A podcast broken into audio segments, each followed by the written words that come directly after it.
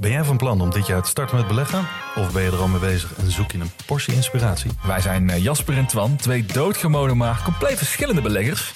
En iedere donderdag vertellen wij in onze podcast de lange termijn over onze beleggingsreis, onze lessen en met name onze fouten. En dat allemaal op een uh, vermakelijke en een langdrempelige manier. Alsof je met ons in een kroeg staat. Met een whiskytje erbij. Lekker. Dus luister eens naar onze podcast De Lange Termijn.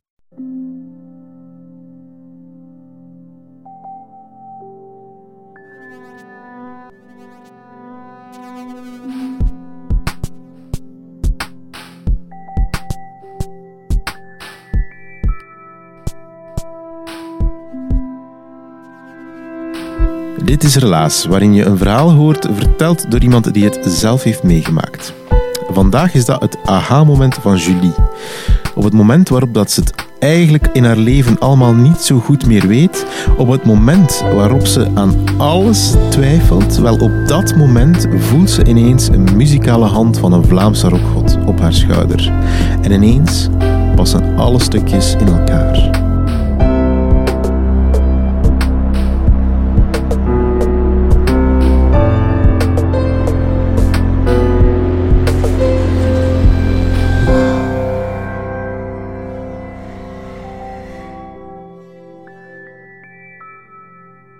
Ik weet niet of jullie dat ook al hebben gehad met een nummer dat je graag hoort. Je denkt dat je zo'n nummer door en door kent. Je kan het probleemloos meezingen. Maar dan, op een welbepaald moment, heb je pas echt door waar het over gaat. Ik heb zo'n openbaringsmoment gehad met een welbepaald nummer op een zaterdagavond in november 2013. Ik zat toen in het laatste jaar van de Germaanse, een richting die nu niet meer bestaat onder die naam. Eh, maar wat niet veranderd is, is dat eh, ook toen studenten in het laatste jaar eh, ook al een thesis moesten schrijven. En zoals voor de meeste studenten vandaag de dag was dat ook voor mij een enorme bron van stress. dat nam bij mij echt gigantische proporties aan. Ik zag dat in mijn hoofd echt zo gigantisch mislukken. Um, kwam daar nog bij dat ik natuurlijk als laatstejaarsstudent mij moest beginnen afvragen wat hierna. Dat was een vraag die ik mij eerlijk gezegd nooit had gesteld, want ik heb voor die richting gekozen vanuit mijn hart. Uh, omdat ik een soort van taalnerd ben die erop kikt om heel lange zinnen tot in het kleinste detail te analyseren. En wat ik daarmee zou doen, dat zou ik dan later wel zien. Maar nu was dat moment toch wel aangebroken. Dus ik uh, bladerde al eens door de krant waar je toen nog alle uh, advertenties vond. En zo de ene job na de andere gaf mij het gevoel van... Dat is toch niks voor mij. Of zelfs dat kan ik niet. Want ik kon dan wel probleemloos uh, de wet van Grimm en andere klankverschuivingen uitleggen en een, een Shakespeareaans vers scanderen in jamben, trogeen, spondeen. Uh, maar daar leek toch maar weinig volk op te zitten wachten. Om maar te zeggen dat ik mij uh, nogal zorgen maakte over mijn toekomst. Dus uh, die bewuste zaterdag die had ik ook doorgebracht met uh, werken aan en vooral piekeren over mijn thesis. Maar tegen de avond was toch de tijd aangebroken voor een beetje ontspanning. Ik zou namelijk naar uh, mijn toenmalig vriendje toe gaan. Een jongen die in de naburige gemeente Zelen woonde. Ik zelf woonde in Overmeren. En ik ging daar dan naartoe in de auto van mijn ouders. Dus ik zit achter het stuur uh, op een donkere steenweg richting Zelen. Ik probeer een beetje de zorgen van de dag achter mij te laten door de radio aan te zetten. En uh, het is Mia van Gorky op de radio. En mijn eigen muizenissen vermengen zich met de, de stem van Luc de Vos. En ineens heb ik het door waar Luc de Vos over zingt. Over mij. Het is te zeggen over mensen als ik die je overal vindt op de arbeidsmarkt in dit tranendal en niet weten van welk hout pijlen te maken. En op dat moment sloot ik een geheim bondgenootschap met Fossi, want hij begreep hoe ik mij voelde. Nu, uiteindelijk is het allemaal nog goed gekomen met die thesis van mij. Ik heb daar een 18 op 20 op gekregen en ik ben met grootste onderscheiding afgestudeerd. Dus ik vrees dat ik een van die ergerlijke mensen ben geweest die dan zo panikeren van ah, het gaat mislukken en dan uiteindelijk ja, met zulke resultaten afstuderen. Uh, ik werd zelfs aangemoedigd om te doctoreren. Ik heb dat ook gedaan en ben dan een tijdje verder op het academische pad gegaan. Uh, ik kon dan als onderzoeker een jaar naar de Verenigde Staten gaan. Ik heb een jaar in Santa Barbara, Californië gewoond en dat was een life-changing experience, zoals ze dat daar zouden zeggen. Zozeer zelfs dat toen ik terugkwam, ik eigenlijk niet zo goed mijn draai meer kon vinden hier in België. En dat was niet alleen door het gemis van de Californische zon, maar ehm, er bekroop mij ook zo'n ja, soort onbehagelijk gevoel. Een beetje dat, dat Mia-gevoel. Ik dacht, ja, ben ik nu op weg om professor te worden? En is dat wel wat ik wil? En na veel geworstel met mezelf heb ik dan toch de knoop doorgehakt en besloten van nee, dat is niet wat ik wil. Ik ga gewoon iets anders doen. Maar dat was makkelijker gezegd dan gedaan. Want als uh, zoveel jaar geleden maar weinig mensen zaten te wachten op een Germanist, zat er nog minder volk te wachten op een dokter in de taalkunde, mocht ik aan de lijve ondervinden. Want ik heb uh, om en bij de honderd brieven misschien verstuurd, met dan af en toe eens een uitnodiging. Uh, en tussen die honderd brieven zaten er ook een handvol voor wat ik altijd stiekem een beetje als mijn droomjob heb beschouwd. En dat is werken voor de radio. Um, maar ook dat was zo altijd het verhaal van net niet. Zo was er bijvoorbeeld die keer dat ik bij M&M op gesprek mocht en ik niet wist wie One Direction was. Uh, maar uiteindelijk had ik dan toch uh, na veel proberen een, een gewone job te pakken. Ik was daar heel blij mee. Uh, maar ik wou niet vertrekken aan de universiteit met stil, stille trom. Dus uh, ik, ben, ik heb daar een mooie afscheidsspeech gegeven. En ik heb die beëindigd met een, uh, een motivational quote. Ja, ik had een jaar in Amerika gewoond. motivational quote waar ik toen nogal in geloofde. Life begins at the end of your comfort zone. Want ik zou mijn vertrouwde omgeving achter mij laten en aan een nieuw avontuur beginnen. Nu, het nadeel aan zulke hoge verwachtingen is natuurlijk dat je wel eens teleurgesteld kunt worden. En eigenlijk was dat nieuwe avontuur één grote teleurstelling. En ik begon te denken, ha, ik was misschien beter in mijn comfortzone gebleven. En zo zat ik op een zaterdagavond in november 2014 ondertussen, opnieuw achter het stuur, ondertussen van mijn eigen auto, en ook niet uh, op weg naar uh, dat vriendje in Zelen, waar ik gelukkig al lang niet meer mee samen ben. Um, maar wel hier vlakbij op de Brusselse Steenweg, uh, op weg naar het verjaardagsetentje van mijn mama.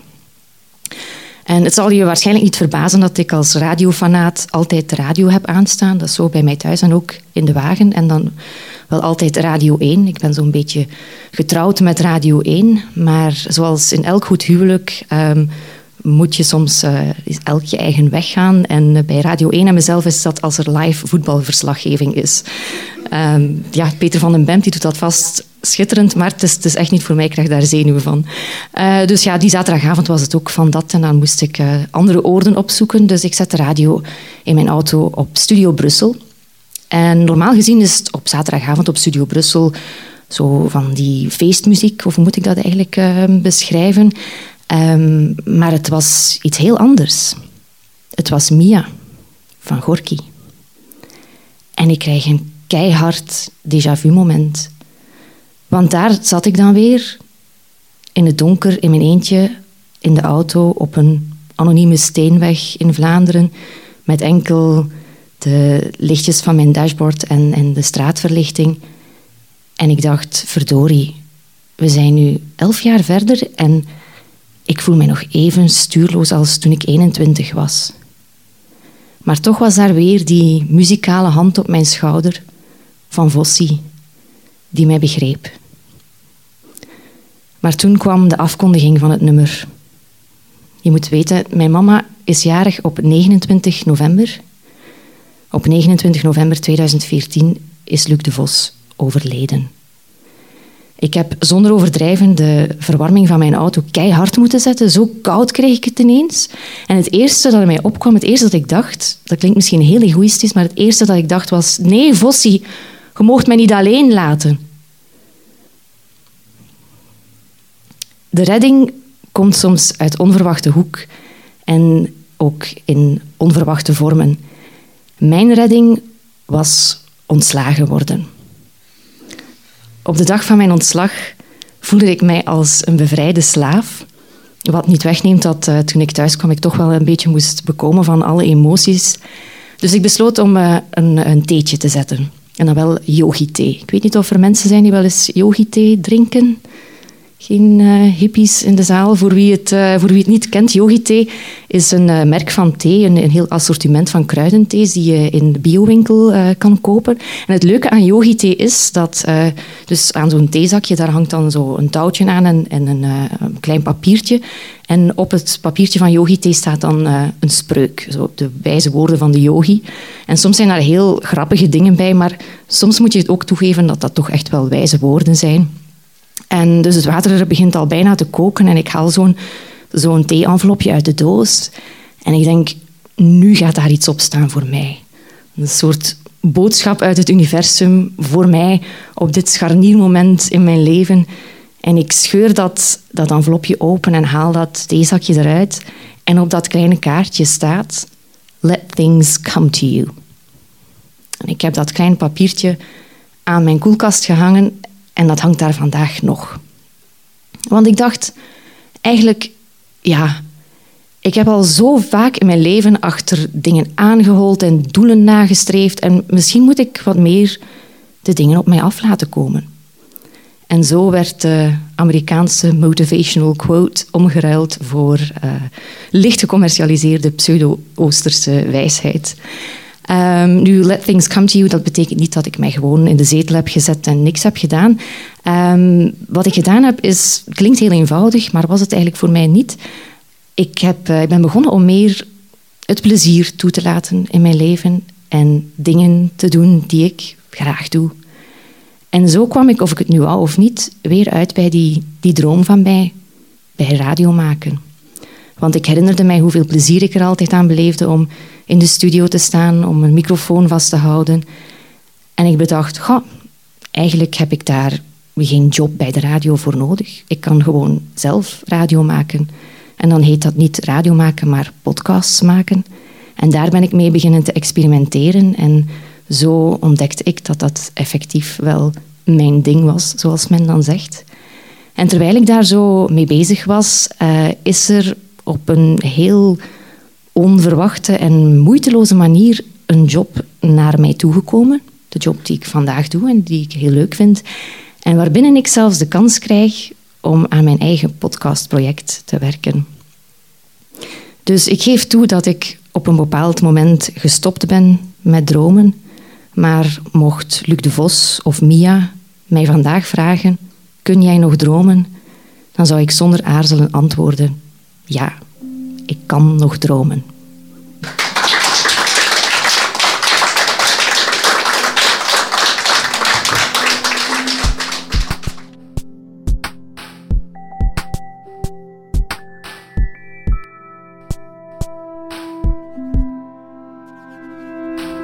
Dat was het relaas van Julie. Ze vertelde het in Café Spoorke, dat is in Gentbrugge, op Backtracks. En Backtracks is een verhalenparcours aan de rand van Gent. Uh, samen met Urgent FM organiseerden we dat in Gentbrugge. Je kon daar van huiskamer naar huiskamer gaan, gewoon binnenwandelen in die huiskamer en neerzitten, een kopje thee drinken en ondertussen luisteren naar het verhaal van de persoon die in dat huis woont. Hoe mooi is dat? Op het einde van dit verhaal van Julie kregen we ook nog eens een cover te horen. Er stond daar een coverband en die speelden Mia van Gorky. We gaan dat zo meteen laten horen, maar ik wou eerst nog eventjes zeggen dat relaas gemaakt wordt door veel mensen ondertussen. Evita Nocent, Marilyn Michels, Philip Cox, Ruby Bernabeu Plaus, Dieter van Huffel, Sarah de Moor, Timo van de Voorde, Charlotte Huigen, Evert Saver, Sarah Latré, Stefan Gruijaert, Anneleen Schaalstraten en ikzelf ben Pieter Blomme. En wij zijn niet alleen een podcast, dat weet je. Wij organiseren ook elke maand een vertelavond. Daar kan je vier verhalen live meemaken in een min of meer bescheiden, intieme setting. Als je naar onze website surft, dan kan je zien waar de volgende relaas afleveringen worden opgenomen en waar je dus kan gaan luisteren. Je kan er ook voor reserveren via onze website of via Facebook. En nu dus de muzikale hand van een rockgod Luc de Vos op de schouder van Julie op het moment dat ze volledig in de knoop zit met de keuzes die het leven voor haar achterhoudt. Toen ik honger had, kwam ik naar je toe. Je zei eten kan als je de afwas doet. Mensen als jij moeten niet moeilijk doen. Geef ze een kans voor ze stom gaan doen. De middenstand regeert het land beter dan ooit tevoren. Mia heeft het licht gezien, ze zegt niemand gaat verloren.